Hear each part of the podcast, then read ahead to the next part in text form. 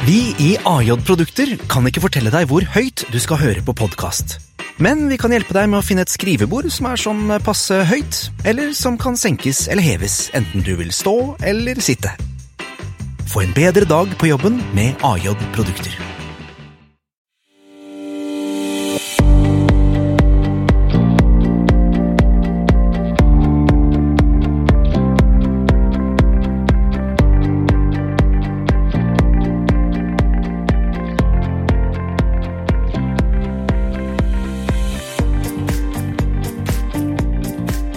Hi, and welcome to Shifters Podcast. Today's guest is Melissa Mills. Uh, she is uh, the Director of Product Management at Ardoq, and just before that, she was the Director of Product Management at Kahoot.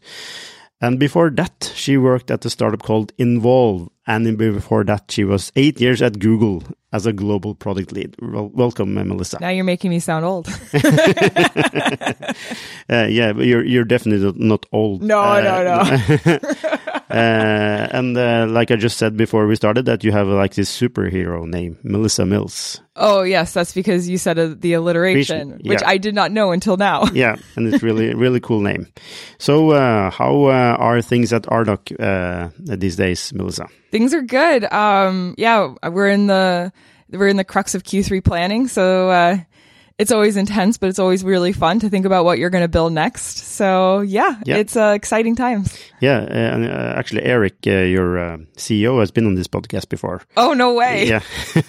So, Now I now I feel really cool. yes. Um, so, and but you're you're sort of more of an like an operator. You actually execute uh, in the uh, uh, every day uh, with the the product managers at Ardoq. So, what is a director of product management? What what does she do? Yeah, for sure. Um, at Ardoq, I'm covering the product teams as well as the design teams, and I am making sure we get our stuff built. Um, so I get a lot of feedback from the leadership and um, the executive suite, and they help help infer and provide guidance in what we need to prioritize. And then I work with these teams in coaching and managing them to make sure we build really cool stuff for our customers.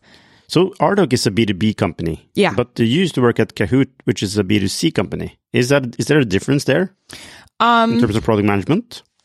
So typically in the biggest difference or the most general thread between B2B and B2C is that um, in B2B, the decision maker isn't necessarily the end user. Um, so in B2B, the person purchasing the product might be the CIO, but then the day-to-day users might be the enterprise architects in the case of Ardoq. Um, in B2C, your direct user is the purchaser. So, um, at Kahoot, it was, um, that same sense. And then, um, like at Google, it was technically a B2B product. Our, our customers were these companies, but they were ultimately selling to either additional companies or to individuals. So when I was at Google, um, I worked on our apps products and our customers were major app companies like Facebook and Lyft and Uber. And, um, so we had to not only understand the B2B side of things, but also the B2C. Yeah, but is it is it difference in terms of product management as a field, or is it sort of the same but just different Yeah, stakeholders and uh, customers? Good question. Um, I think you have to make decisions a bit differently. So, for example, at Kahoot, you literally have billions of players and tens of millions of daily active users. And so then it's about um, using that data to then provide guidance into how to make good product decisions. Whereas in B2B companies, Ardoq doesn't have 15 million users or something, for example. um, so then we might have different feedback and guidance. We may have contracts that need are about to expire, or we may have um, new customers we're trying to close, and then we need to figure out how to make our product work for all these different contracts. Um, and then we might work with customer success managers to help us in collecting that feedback. Um, So it's more of a manual feedback uh, loop. it is the data's there, but it's not going to be at the same volume, and so you have to use a, a combination of insights to be able to prioritize. And in B two B, you very well could be in situations where a large portion of the revenue is being driven by a handful of customers, and you might want to weigh their feedback more heavily than others Yeah. um, to make sure you can continue renewal and even increase subscriptions. So ironically, when you're working B2C, you are actually receiving data which you can analyze. Uh, and uh, but when you're working B2B, you actually need to be more of a people's person to understand what the the person behind the title actually needs. Totally. You always need qualitative and quantitative feedback. Um, but the idea is that with B2C, you're dealing with large volumes. And so if I do purely qualitative feedback, um, I might not get enough of a comprehensive view of the pool. So what I would do is probably start with the data, look at the volume, and then use that to infer some insights and then validate those insights with focus groups or focus feedback. Oh, So do you do everything that do do you do like does a product manager do everything like from every from collecting data and um, do interviews to actually create the product? Um, I would say no, because we need a lot of help. Yeah. Um, I feel like our job is essentially to, at the end of the day, everyone's job at the company is to make sure we're building good products for our users. There's the Google mantra, focus on the user. That couldn't be further, that couldn't be more true. Um, it's really critical that everyone, whether it's an engineer, whether it's a data person, whether it's the customer or even the product manager has to be focused on the user. Um, where product management fits in is our job is to make sure we're delivering good value to our customers and um, growing the revenue in the in the process and creating this good path. So if we have certain departments that can support us in that process, awesome. If there's some departments that need more help, then yeah, you need to roll up your sleeves and figure out how you can help because we need to make sure that we're building good solutions and everyone's part of that process. And if one particular group or department is struggling, then we all need to work together to make sure that we can work collectively to make this happen. We all need each other. So there's no way product management can do it all, but our job is to make sure that we fill the gaps and we support wherever we need to to ensure that this path is created. So are you uh, like also an advocate for the user? Uh, yeah, but everyone at the company should be an advocate for the user. Like, every, we are all, if it weren't for our users, we would not be here. This company would not exist. But that mantra, the user put the user in focus. Yeah. or- yeah. So why why do you have to say that? Isn't that obvious? I think i- in some ways it is obvious, but in some ways, you know, we're all human. We get caught up in stuff, you know, having to fix a bug or getting caught up in making sure we get a report so that um, end of year expenses are addressed. Um, you get caught up in a lot of the day to day. And even as product managers, we do too. We're human. Yeah. Uh, so the- Really? yeah, I know, right? Um, but the idea then is we all have to look out for each other. And as a product manager, you're in a unique position where you can essentially see the entire assembly line. And so you're in an advantage to be able to help and support in making sure that that user centricity exists. Um, so if we didn't help like that, then we would be doing the company a disservice. Yeah. Okay. So uh, how do Hope you, that's okay. yeah, yeah, great. Uh, so how do you create uh, this uh, product roadmap? What is a product roadmap? and how do you create it? Totally. Um, each company has different ways of setting up product roadmaps. I really love following um, a quarterly model where we build a roadmap every quarter. Um, we do planning every quarter. So, like I said, we're in the middle of Q3 planning now um, to decide what we're going to build. In a kind of dream scenario where there's no interruptions, no externalities, um, you could scope all the opportunities proactively, um, build estimates, and then build a roadmap that then highlights the top solutions based off these problems you've assessed. So, you, so like like so you suggest, for example, at the start of the year, uh, these are the type of products we're going to create this year. Yeah, or like again, user centricity. The idea is at the start of the year, you go, okay, this is our user journey. We see a ton of attrition at these different stages. Um, how can there's clearly something that's a problem for the user here? How can we solve that problem? So then we go, okay, these are the top three problems we have to address, and then um, product works in planning to think, okay, then these are the solutions we're going to build for these three problems. But is it like a do you do you work a year at a time? Um, it depends. Uh, at, at Google, we could because we felt it was more of a waterfall approach. Literally, you could release if if you released even um an update that had a bug in it that could impact users and cost hundreds of thousands of dollars. So the scale of impact was so significant, everything had to be thoroughly planned. So we took a ton of we took caution in what we released. Um, but in a startup and a scale up, um, where you like you you don't necessarily have that same luxury for time. Like uh, you know, if I planned everything out perfectly in a year, uh, and never created any opportunity to adapt that roadmap in a year, that would be really difficult for the stakeholders and the leadership and the executives. Because what if something comes down from the investors? What if there's some major thing a competitor does? Um, there'd be no inflexibility there. And we need to make sure this business can survive beyond a year.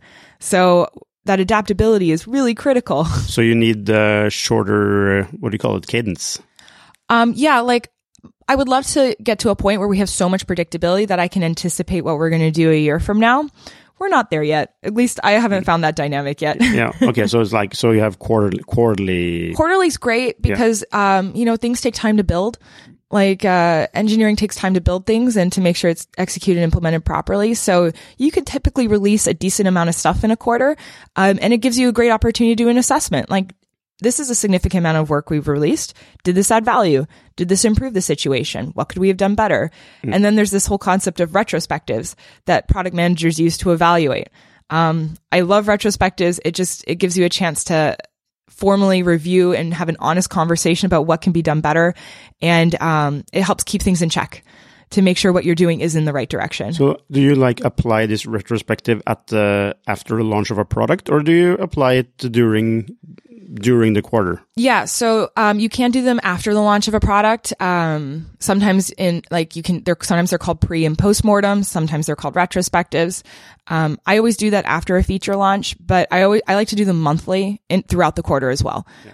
Um, that way, it gives me a pulse. So even if we've kind of agreed upon something, if we need to adjust, if we don't want to waste another two months on something that may not be working. We have literally this monthly meeting to make sure that we can keep each other honest on that.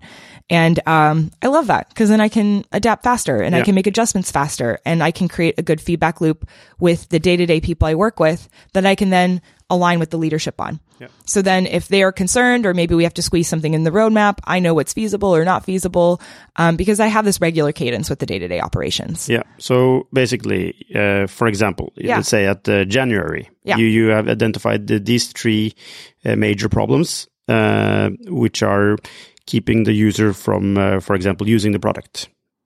For example yeah. Like uh, or the most the three most important things you need to develop to yeah. make the product better for the user. Yeah.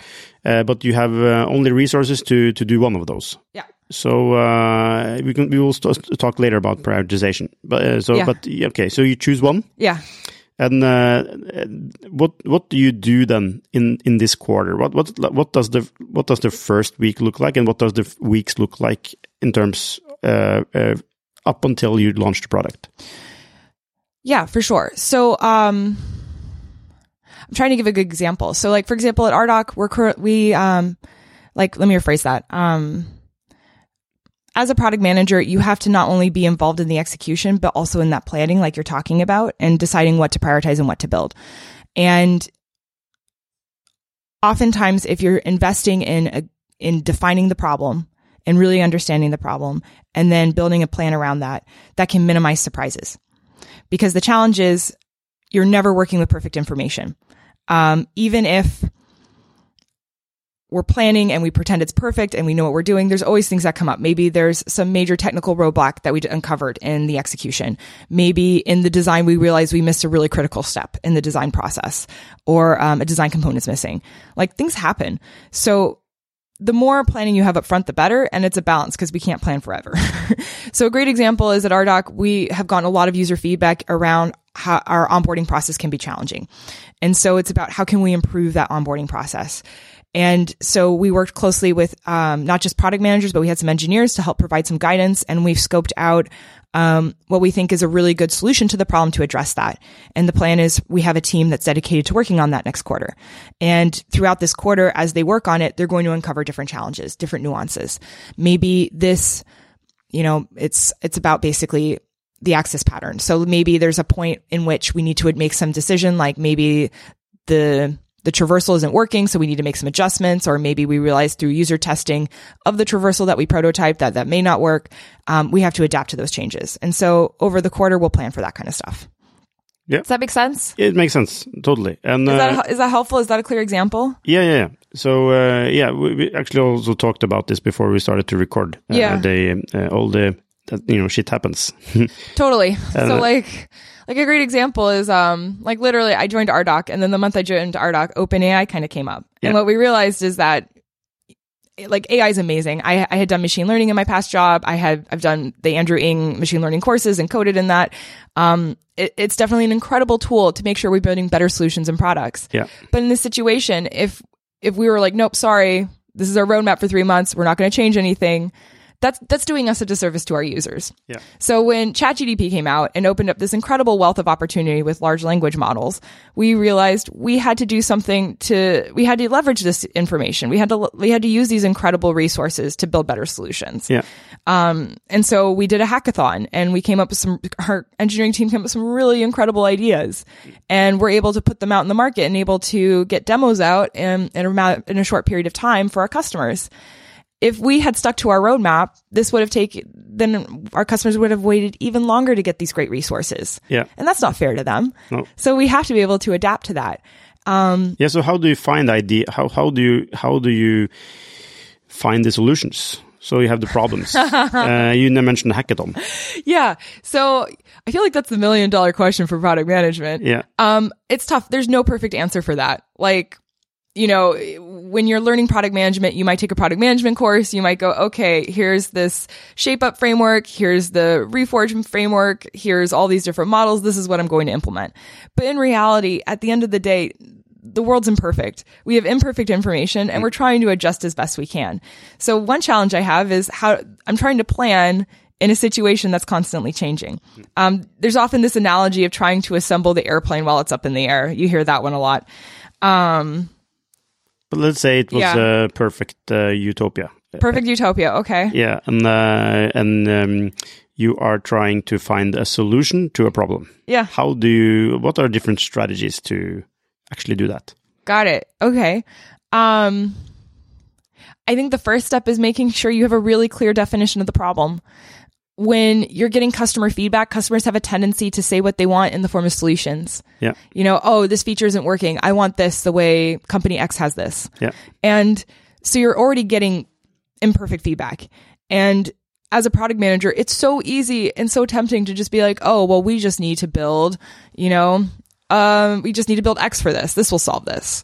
Um, and the idea then is you're not really building for a problem, you're building for a solution. And so as you start to build, you don't have that clarity and focus on what the problem is. do you think that's a big problem? 100%. 100%. No, I mean like in like every in real like. Do you think a lot of uh, uh, companies are actually doing this? Yeah, absolutely.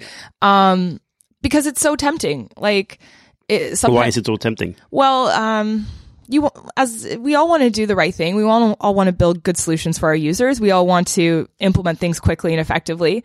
So sometimes it's really easy to say, "Oh, of course, like this customer has issue A. Of course, we need to build B. Let's just build B." Yeah, Um, let's just cancel the sprint. We have the solution. The Yeah. cus- our customer told us the solution. But then the challenge with that is as you're building, you don't have a good definition of what you're trying to solve. And then you don't have a good way of measuring whether or not you're solving is actually working. Yeah. So then what happens is you have this thing called scope creep.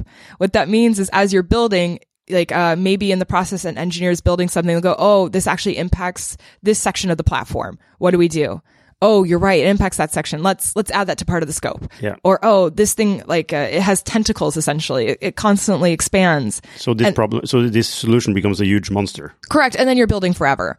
And like, again, typical thing. I think everyone goes through this. Like, I've been through this. Every product managers have made this mistake at some point. And to be honest, we all make this mistake because it's so easy to solution so early. So this is where you really have to stop yourself and check yourself and really focus on the problem. So this is where defining the user problem, focusing on user stories is so critical. Um, What is a user story? a user story is when you describe the situation as a user. So for example, I would say, um, like, uh, what's a good example? Um, Take an example from uh, Kahoot, a user story from Kahoot. Okay. So uh, as a participant, when I'm trying to log into the game, I have a hard time accessing the game. What's a pin? Um, the idea is the simple answer is, oh, you're trying to find the pin. Let me just put this right up in front. But when you put it in a user story, you realize that it, it puts the product manager not in the focus of I need a solution, I need to get my job done, I need to work. Um, it puts them in the perspective of the user. So then you can better identify the user problems. Again, that mantra, focus on the user. It helps you think like a user. Um, and then by going through that user journey, you can then better understand the root cause of the problems. So rather than trying to build for us, then rather than solutioning for feedback, you're basically trying to solution against a root. So um, I'm trying to think of like a So user story is a dis- is a description of the problem in a, from the user's perspective. Correct. And everyone needs to think this way because again, that's not the way we think in a day to day basis. Like when you're running your company, you're not thinking, you're thinking about all the operations you have to deal with, all of the meetings you have to have today, um, what kind of issues you're getting or what kind of feedback you need to kind of grow your subscription base. The idea is that when you're, when you change that mantra and you think about it as a user, it changes that mindset. We're not programmed to think like that on a day to day basis. So the more we think like that, then the more we can improve it. And going back to my point about how everyone needs this kind of extreme ownership, we all need to think like this. Engineering should be thinking about users in the user story. Sales should be thinking about users in the user story. When I'm working with our sales teams and our commercial teams at Ardoq, I always ask them to tell me their situation in a user story. Have you been uh, in a company? You don't you need to mention the names, but have you been in a company where not everyone is think, thinking about users? Um, every company I've been in, it's like I said, it's just, it's a constant, it's a constant practice. Like, it, Why is the gravitation uh, away from the customer? I don't think it's away from the customer. It's just, we have so much responsibilities we have to do every day. Yeah. Like, I imagine we're all resourced to be efficient and be thoughtful with our time. And I, I can't, I've never met a person who hasn't had to work late one day. Yeah. Like that happens to everyone. You're, you have a lot of stuff. And then on top of that, like me, I have to go home to my kids after this. Yeah. So the problem with companies are humans. Yeah, exactly. And again, we're we're all human. Like Yeah. we're human error is a thing.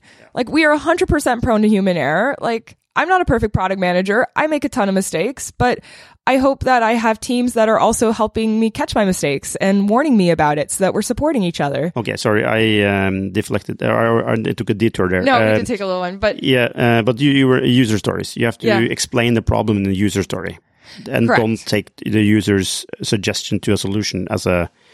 Totally. And again, like I said, we're we we're prone to human error, we're prone to mistakes, and we're even prone to solution earlier. Everyone wants to be adding value. Everyone how- wants to come up with good ideas. How do you know we have the right solution?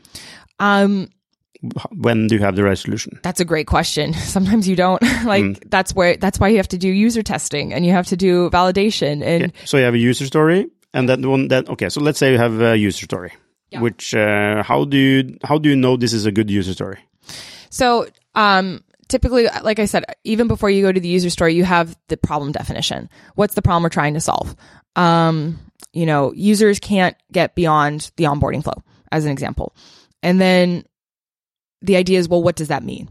And then that's where you break it up in user stories. And you would talk about all the different types of users, sometimes as a participant, as an admin logging in as a host. If you're, um, like Facebook, for example, you're probably thinking about it as a, like a marketplace, as a user, or at Google, we were thinking about it as advertisers, as end users, um, as individuals on search. Um, and so you think about all the different user stories, anyone that can interact with this problem, you write down all of those user stories. Okay, so let me rewind it a little bit. Yeah. Uh, so how do you know uh, when something is a problem? that goes back to the performance. So, for example, um, and that's where the data that goes back to the data and qualitative conversations. So, when I'm trying to decide what to build, I want to, I want to make sure that my users are actually taking a step back even further. Um, there's this thing called a happy path.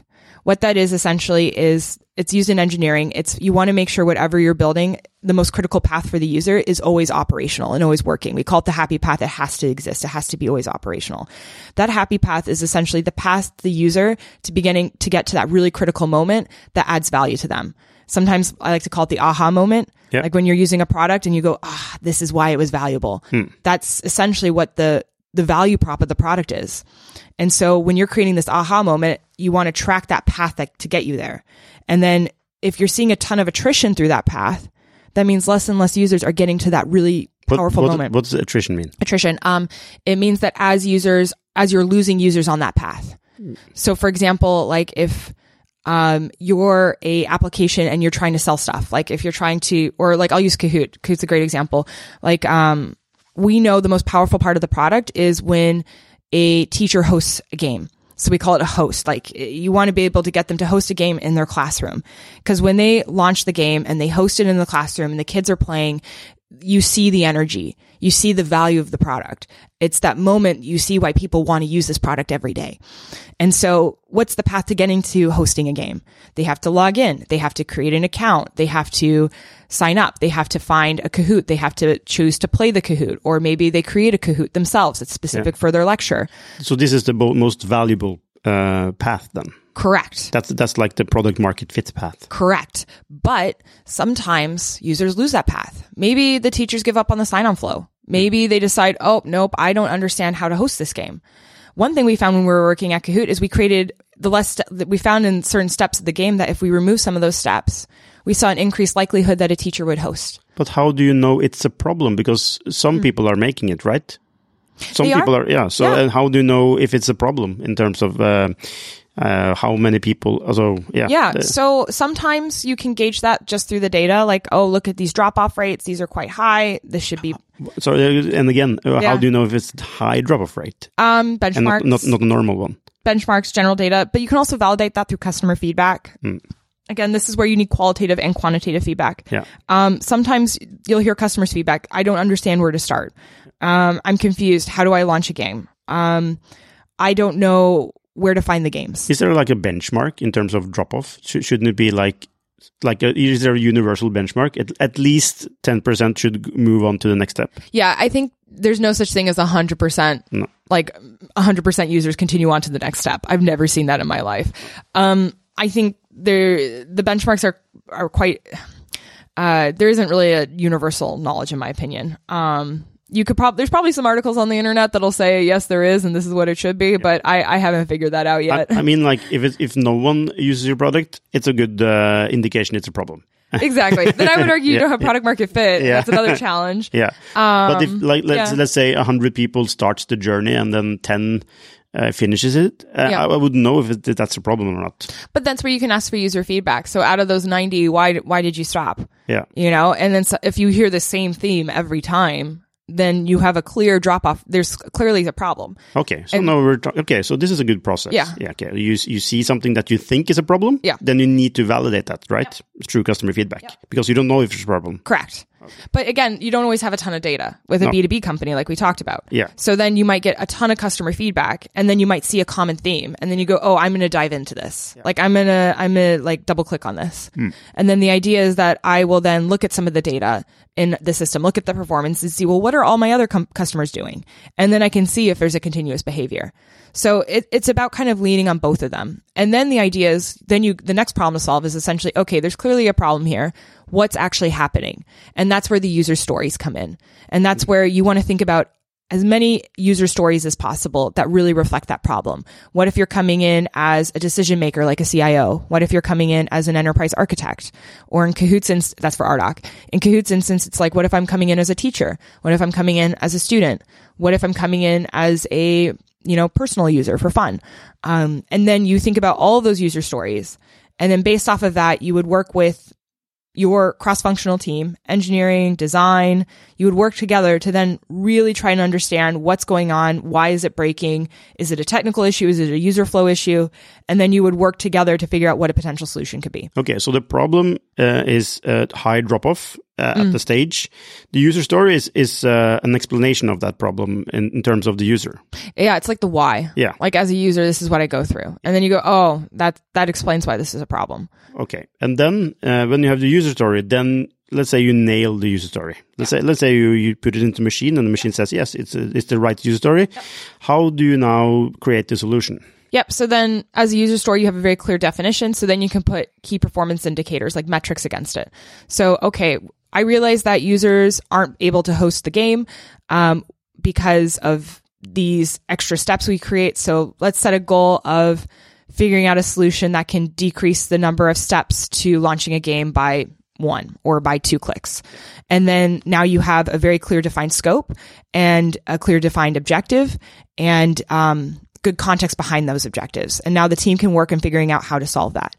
And whatever solution we build, we can test. We can use user interviews. We can release it on an A-B test. Um, you can release it behind a feature flag and you have a very way, clear way of measuring whether or not that's going to add value or not because Okay, you, so you you- put together success criteria. So you, you don't know if the solution is going to work. No. No. So I, that- I would love to think that every solution I built's been perfect, but no, Mm, like you, you never know. Like you never know how users are going to respond. You're not the end user at the end of the day. You're trying your best to be them, but you're ultimately not them. Okay, so the results on the KPIs will tell you if it works or not. And- Correct. And, if it doesn't work, you need to go back to the drawing board and uh, make Yeah. a new. But then that's just as valuable because that's a really great insight. Like the whole point is we're just trying to do ourselves service to our users. Hmm. And if we were wrong, at least we know we're wrong and then we can improve upon that. That's also really helpful. Is that mentality prevalent in terms of does does product manager think like that? Because a lot of leaders don't think like that because they think, oh, it was it was a big mistake. Um, I'm not going to get promoted. maybe. I think this is where, again, going back to roadmaps and planning, if I was building a roadmap for an entire year and I was running this entire process over a year, that's a hell of a lot of pressure. Like if it failed, that's an entire year of work lost. Like Yeah. that would, I would feel like crap if that happened. So this is where by scoping it quarterly and then trying to do work on a monthly basis, then it's less of an impact. Oh no, we lost a month. Like that sucks, but we've had bigger issues. Yeah. So it makes it so it's okay to fail if it's especially small and um like a progressional or like incremental. Yeah. Um, and then that also means what's great with that too is then you get solutions out to your users earlier. So we talk a lot about like releasing things in milestones. Yeah. I can release part of a solution or part of a part of the solution to the problem to my customers. And if it's responding well, that's a good sign it might the rest of it might add value. But if it doesn't, like I said, that's really good feedback. And then at least I didn't invest the rest of the stuff I had planned. Oh. Like then we can just figure out and adjust from there. We can pivot from there. Do you do you really release the solution to everybody or just to a small uh, fraction of your your users? Um, totally depends. Depends on the solution. Um, sometimes you have to release like um we like at Kahoot we had some issue like we when two step authentication came out we had to release that to all of our users. That was necessary. That was a EU requirement that came down so that had to be sent out to everyone. Um but if you're doing something like uh part of the user journey and part of the user flow that doesn't have critical requirements like that there's definitely no harm in releasing it behind either a feature flag or an A/B test or even just testing with a couple of users before launching to mitigate that impact of launching to everyone. Yeah.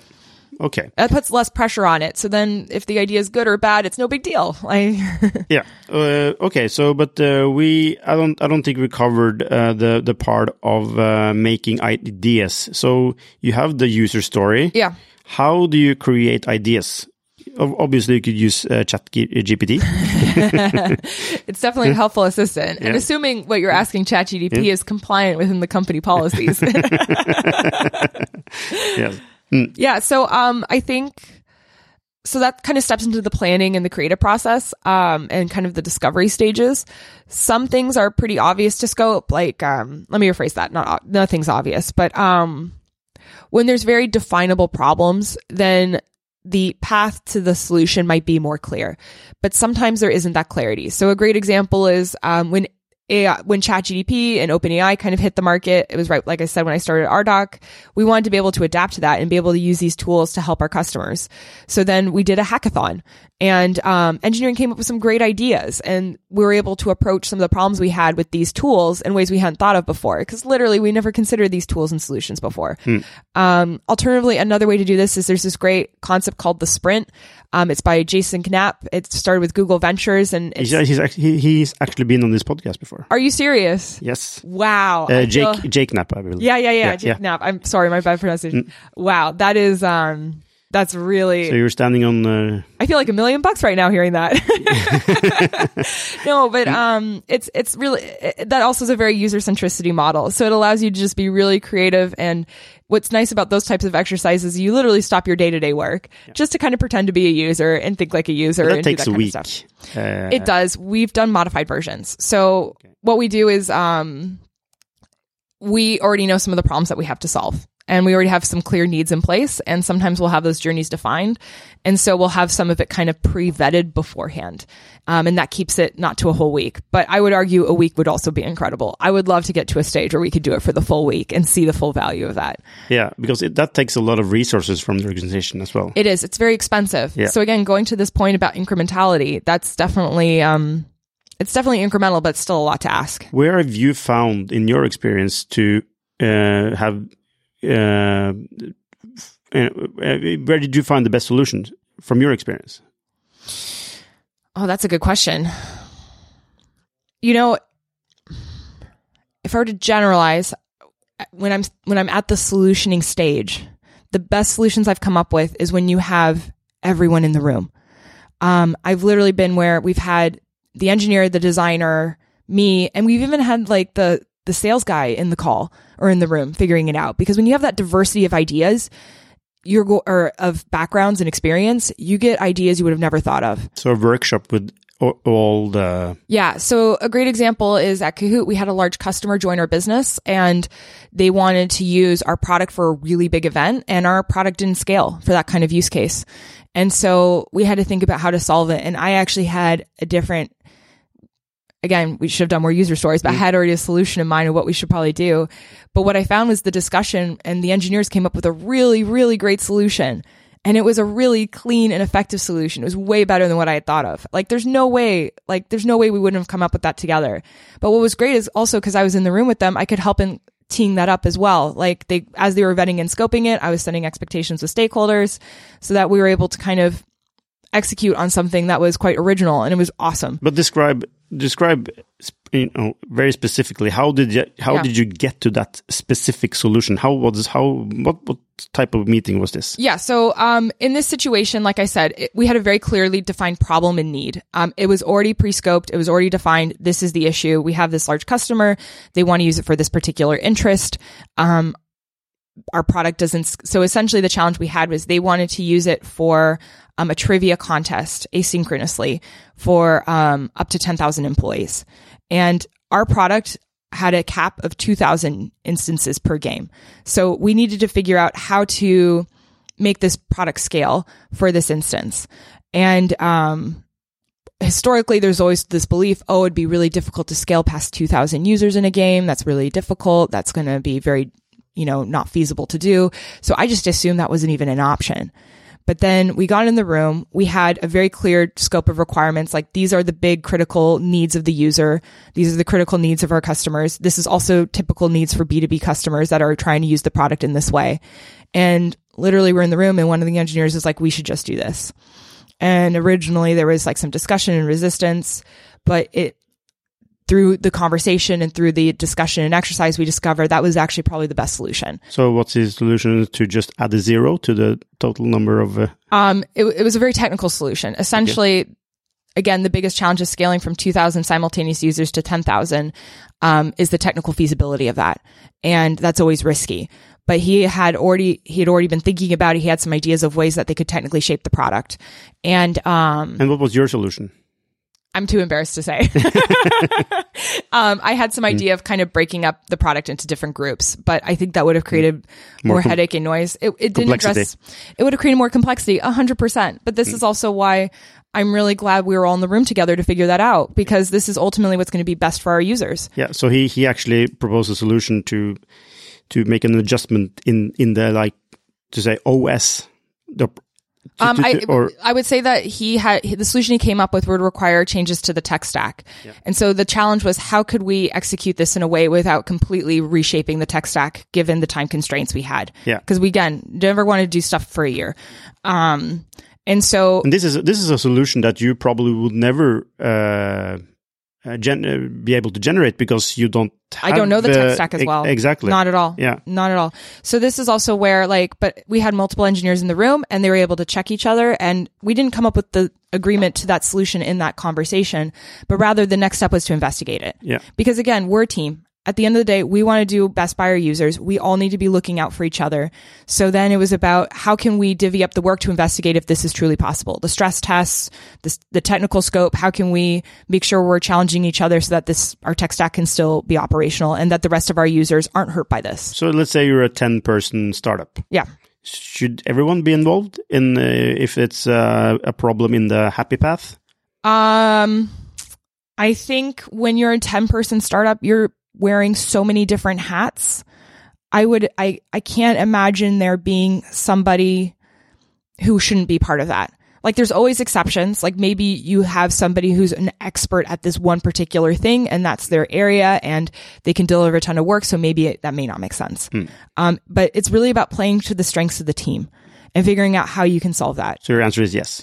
I think so, but again, there's always edge cases like classic product management. I'm like, Yeah, yeah. nope, never. You, That's uh, you gotta yeah. be adaptable to every instance. Yeah, you have a gravitation towards edge edge cases, Um, or or at least uh, acknowledging that uh, edge cases are. Uh, I'll say that, yeah, people are people at the end of the day, Yeah, exactly. and each person has different strengths and weaknesses. And I want to create an environment in which we're going to build the best outcome for our users. And most likely having everyone in the room is there. But if somebody wants to focus on a different aspect of the job and that's their area and strength and it doesn't necessarily apply, then we can divide and conquer as well. Yeah. So it's just about finding that balance. So let's say you have uh, you have this uh, solution. Yeah. After this thorough process, Yeah. and you want to align this with the stakeholders. Yes. How do you do that? So, um, in this case, we had come up with the solution. It seemed uh, optimal and ideal, but I still wanted to present the trade offs of each option because the idea is product management is a series of trade offs essentially. Yeah. Um, because there's always a risk with everything we build and there's always the possibility that we might have to adjust our time for something else. So essentially what I did is I kind of shared this with stakeholders.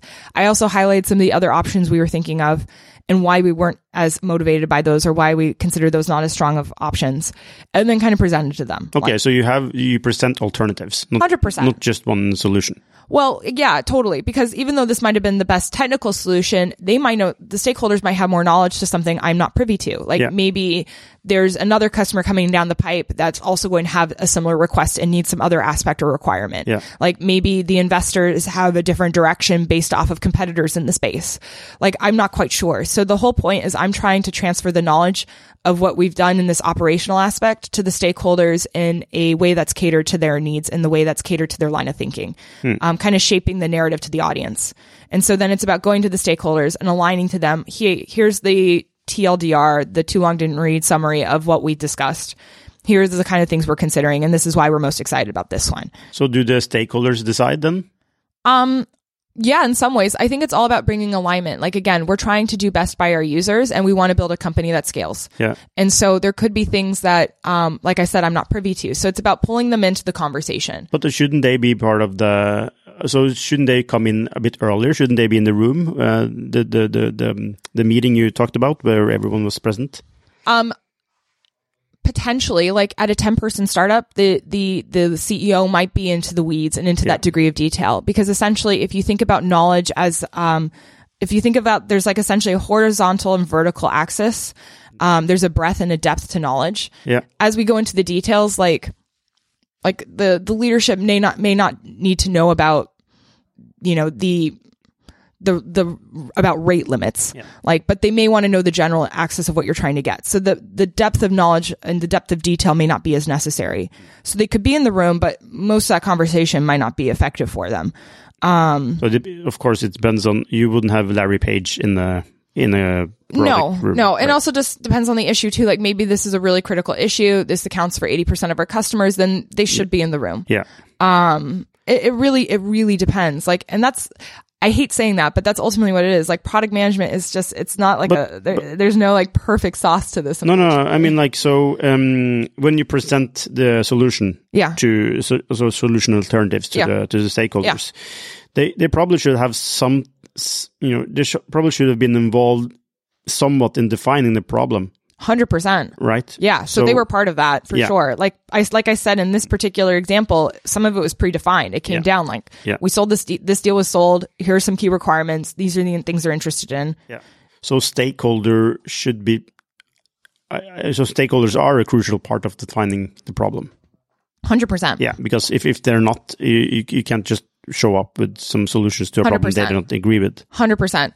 And um, and again, I'm talking about a specific example here where something was predefined. Yeah. You might have it on a more standardized basis. So at Ardoq, we follow OKRs, objectives and key results, and I love that model because it clearly defines to me what leadership is trying to solve. Can you explain this model totally. So um, in uh, 20 words?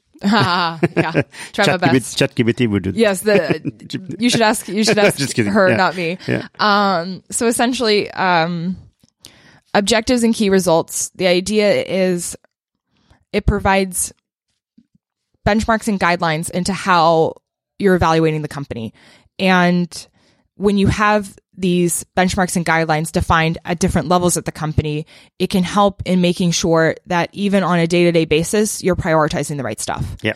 So, um, an objective is something you're trying to solve. Like we want to drive more engagement in the platform. And then key results will be like increasing you know, X part of the platform usage by 10%, you know, decreasing the amount of support tickets by X. So, so the key results are what are the numbers that will indicate that we are actually so that we are achieving the objective? Correct. And they're measurable, which is really critical. So that helps you definitively know whether or not you're hitting it. And again, whether or not, if you're not hitting it, that's still extremely insightful. Um, so the idea is that at Ardoq, we follow the objectives and key results. Leadership sets those at the top every quarter. And then I, I'm also in the, I'm aware of some of the planning. And then in product, we also set our own targets and we have to make sure those align up to the company objectives. Yeah. If we're not tied up to the t- company objectives, then what are we doing? so how, how do you do? So, so the, the so the leadership sets the objectives Mm-hmm. uh, and the key results. yes. And then, then what? What do you? So, so let's they, let's say they hand it to you, and what do you do with it? Um, so then it's a, oftentimes the objectives are tied to really critical needs of the business. And so then I need to, it can help me in informing product and what we can do to make sure we're defining that. Um, what's really great is we have a really good feedback loop. So I already have a sense of some of the key challenges at the leadership level. And so we're already having conversations at the product level about that.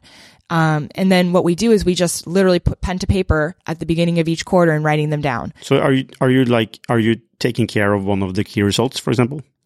Um, I've set objectives that align, and I, I've set my own objective that has key results that are measured against that. But that objective should align to the company objective. Okay. So, um, and it, it should align to the key results of the company as well. Yeah. So I actually, I actually don't have a specific key result that I'm tied to, but this is also where we have this continuous feedback loop. So if they're not hitting their key results, then we can always evaluate and figure out what product can do to make that better.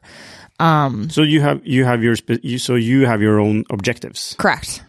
Uh, but uh, so is it like so you have objectives of the companies and then you have the key results. Yeah. And then you have objectives under that there or So what we have is at the product team, we have the product goals and then we have cross-functional teams.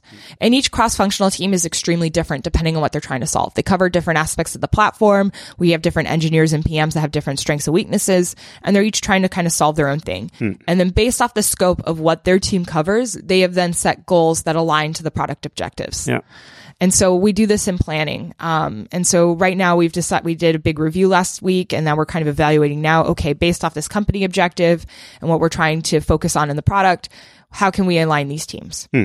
So right now what we're focused on, like I said, is, um, let me, let me rephrase that. It's a balance because essentially we're trying to create flexibility so that we can solve the problem to the best of our ability that aligns up to the company goals. But we're also trying to make it not so broad and ambiguous where we're trying to do everything. So right now the focus on product is really around a couple steps within the user journey we really want to do well. And we want each team in some way, shape or form lining up to those really core critical steps. And that's the focus. Um, because again, we also only have a quarter. Like we can't, we can't fix the entire product No. in, in one quarter. No.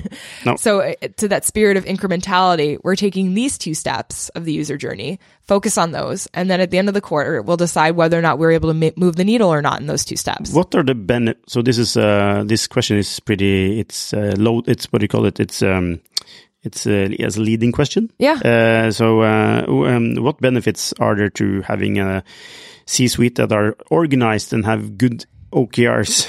yeah. So, um, around this product planning, like we talked about and building the roadmap, um, or let me rephrase that. Um, Does it make it easier for you if the yeah, exactly. if, so, if the so C-suite has a product management, you're, you're essentially in the middle. You know, you're trying to make sure all the day to day people are like engineers, PMs, designers, everyone's playing to their strengths and they're operating well.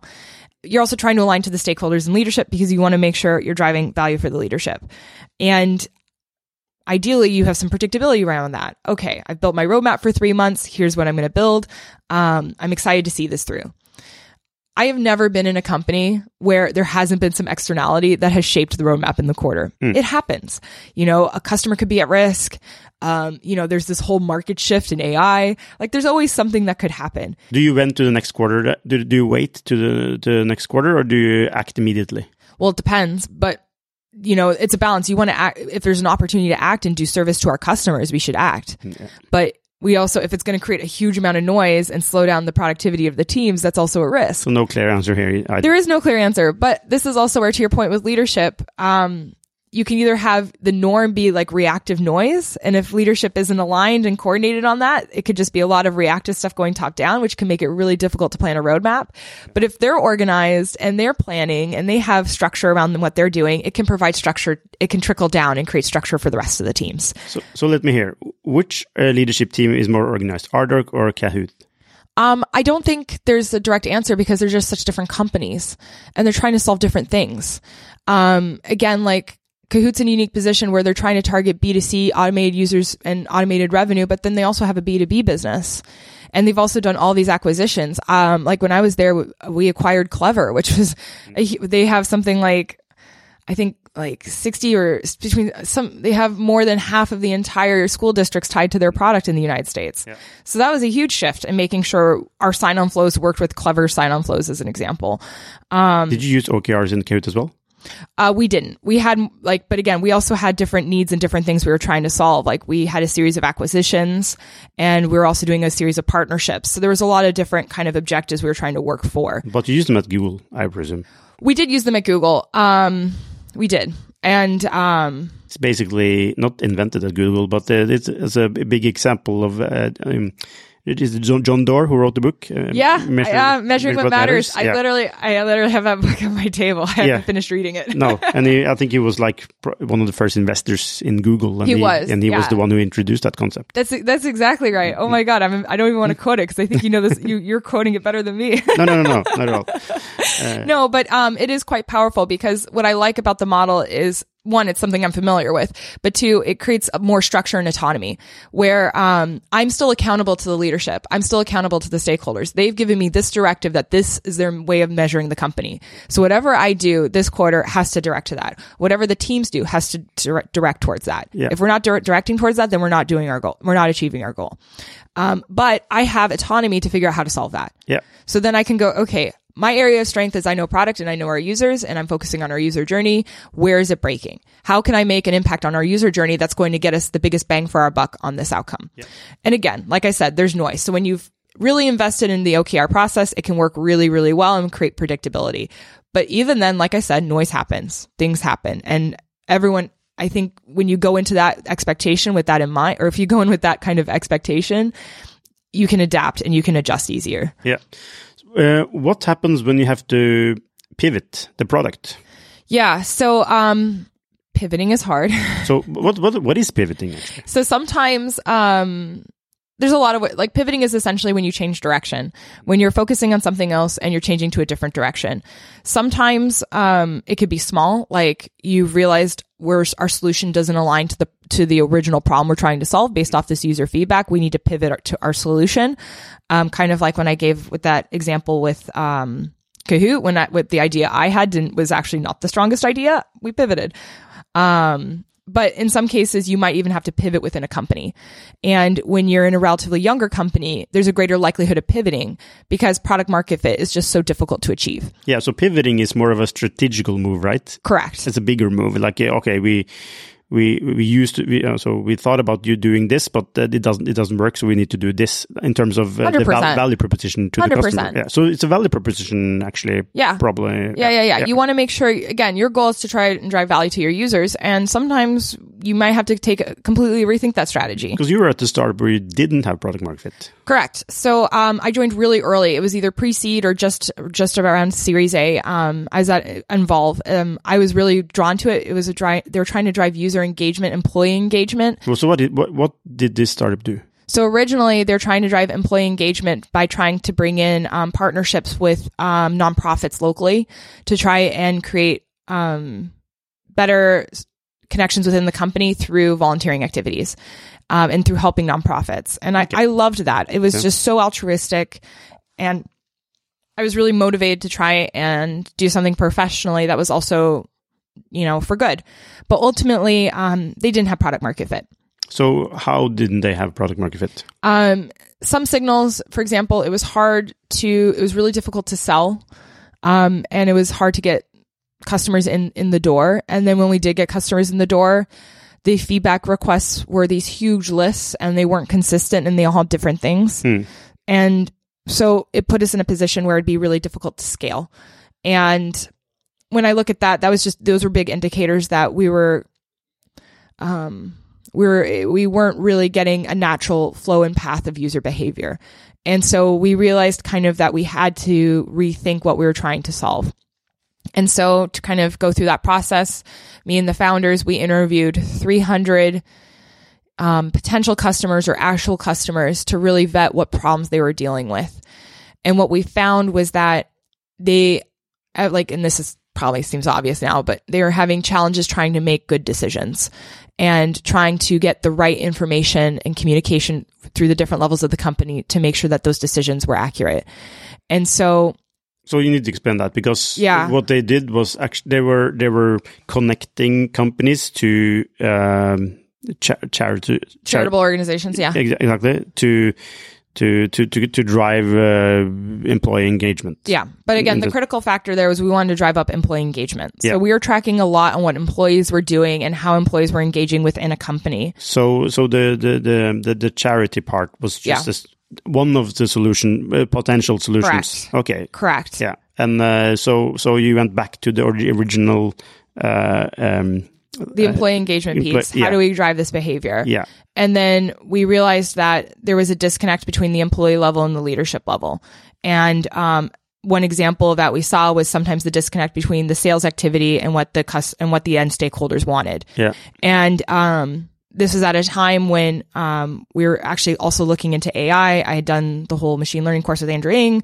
One of the founders who had an AI thesis basis, and we thought this is an opportunity where we could potentially build an NLP model to try and help and create more informed decisions or solutions that could create more informed out create a solution that could create more informed decisions for the stakeholders. So what would be an example for uh, So we essentially were looking at um, when I was there, we're, we're prototyping it with one customer where we were looking at all their sales data and then trying to identify common threads of acti- we basically built a classification model out of it to Yeah. then identify common threads and performance activity from sales to then understand and build um, trends around that. So like, here's the key insights we see from top performers. And we found that performed really well. Um, and that it had a stickiness factor where the customers were very invested in it and they were continuously eager to see more. And I think that's what they've built their, their entire company off of moving forward. Like, um, if you check out their website, it's all about just trying to understand customer centricity, like customer retention, um, creating that engagement, Yeah. um, using AI, which is super cool. Um, That's pretty different from charity. Hundred percent. But again, it's about like again, it's about doing right by our users and doing right for these companies. And you know, we got to make sure there's kind of this like uh, the Reforge model talks about three things. You need to have commercial value, you need to have product product fit, and then user fit. And Yeah. you need all three for a company to survive. Yeah. And it's just about kind of finding a combination where there's a need and a value you can provide. But you you you went and to work with that company because it was so altruistic. Yeah. Uh, with the you know, and and now it's totally different. It is, but I think they're still trying to do the right thing. Like people are still trying to do good jobs, Yeah. and people and employees still want to do the right, do be good at what they're doing and engage Yeah. with their employer. Um, you know, you, you often you often connect the the um, the solution to the company, not the problem. Correct. it- but this is should be. also it was Yeah. a B two B model. Like Yeah. again, like we said in the very beginning, um, your decision maker and your end users might be different. Yeah. So you still have to sell the product. Like we still have to get the contract sold. Yeah. Like we're not going to be here if we can't get the contract sold. No, But at the true. same time, we have to make sure that the employees are engaging and Yeah. using it. So, and providing value for their day to day jobs as well. So if you're having really problems with sales and you you understand that this is not going as it should be going, then it's time to stop up and think to interview potential customers like Yeah. you did, like Yeah. 300. We did 300 at least. I think Yeah. there was a few more, but it, it was really just to be really thorough. Like we wanted to, Did everyone in the company interview, or was it just a small team who did that? it was a small team, but everyone in the company was part of the solutioning. Yeah. Mm. Like when we were building these models, we literally had everyone labeling with us, trying to, trying to build it. Yeah, Um, but it was a team effort for sure. Um, And- yeah, like again, to that point, you can't, it's a balance between getting the right people in the room, but also making sure everyone's included because that's where you get the best ideas. yeah. Yeah. Okay. So then, then you um, uh, you pivoted to to this new solution. Yeah. And then now it's still uh, this company is still working. Yeah, they did another round of fundraising, closed Yeah. some deals, and um, so that's always a good sign. I've I haven't really kept in touch too much. Um, I moved from this was all in the states in California, and I moved from California to Norway, and I had two kids, so different different priorities. But um, it seems like it's going really well. Yeah. Okay. So uh, do, do you ever dream about starting a startup? Oh, I don't know, not right now. I'm really happy where I am, and uh, my kids are a lot.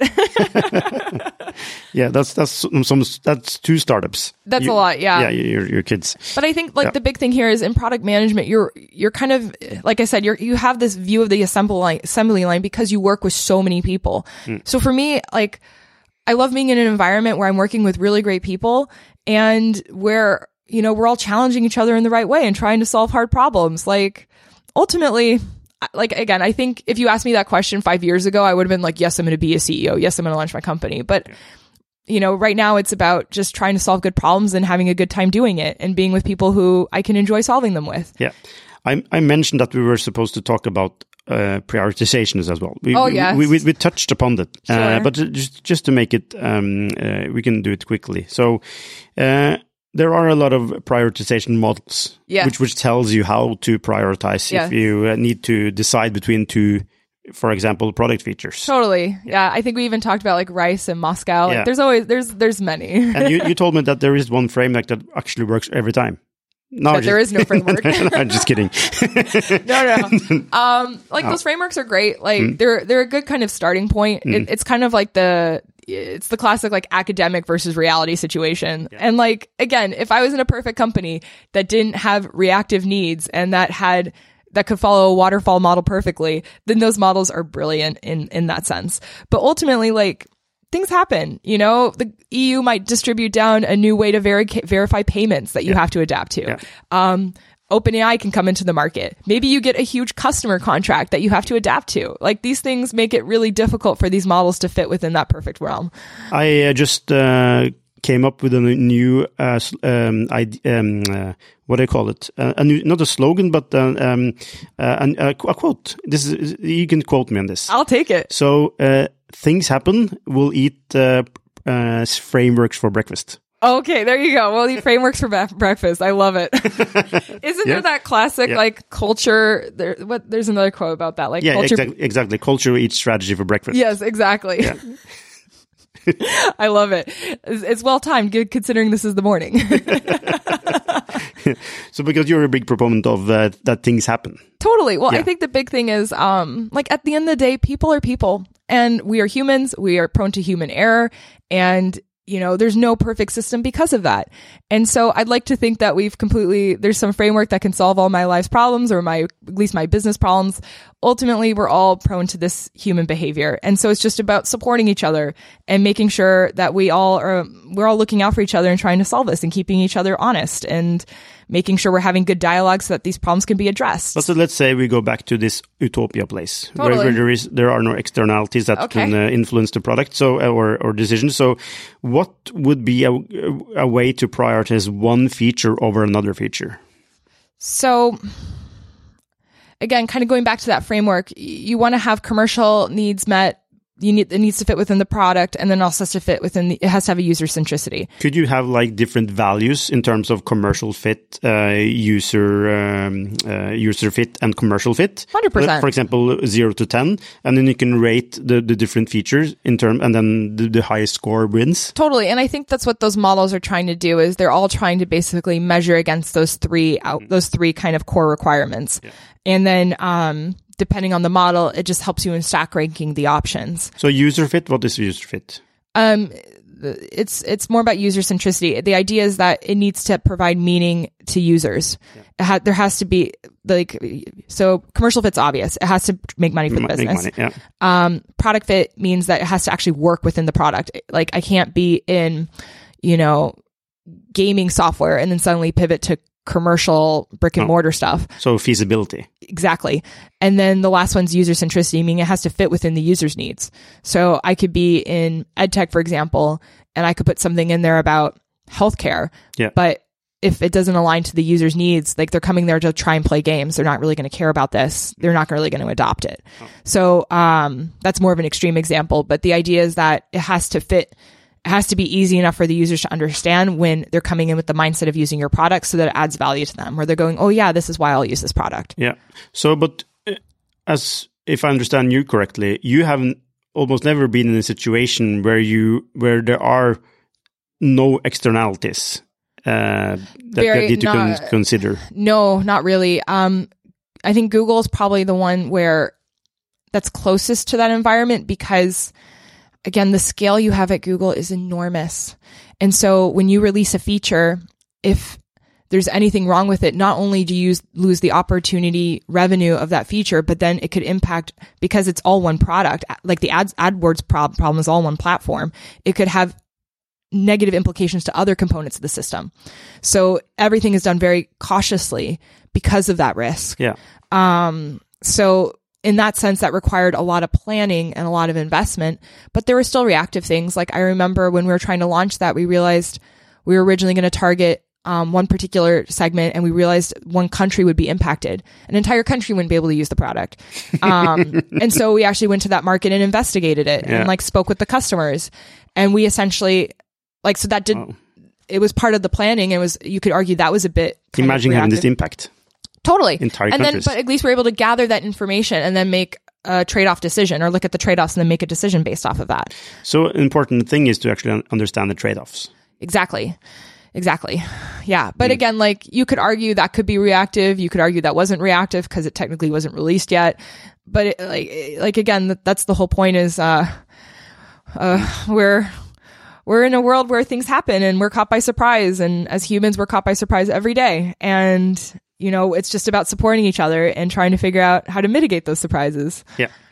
Okay, Melissa, we're going to stop here. Sure. Um, I would love to invi- invite you back because there's a lot of things uh, we could dis- discuss. Oh, that's great. I, I hope, I hope this was helpful and I hope this is helpful for your, for your, for your listeners. It's in, it was very, We'll see. very, very good. Uh, we'll be iterating and testing off of this.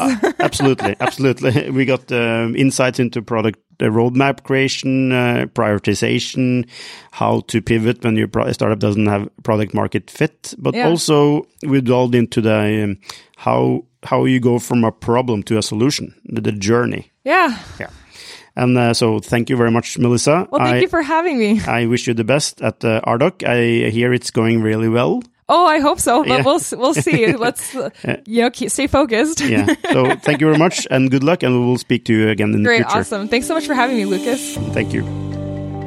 Hei, hvis du likte denne episoden, så abonner på den, og gi den gjerne en femstjerners rating med dine tanker. Hvis du er interessert i temaene vi tar opp på denne podkasten, så anbefaler jeg deg å gå inn på skifter.no, og hvis du mener vi fortjener det, så kan du gjerne støtte oss ved å abonnere på Skifter. Takk for at du hørte på, så ses vi neste uke.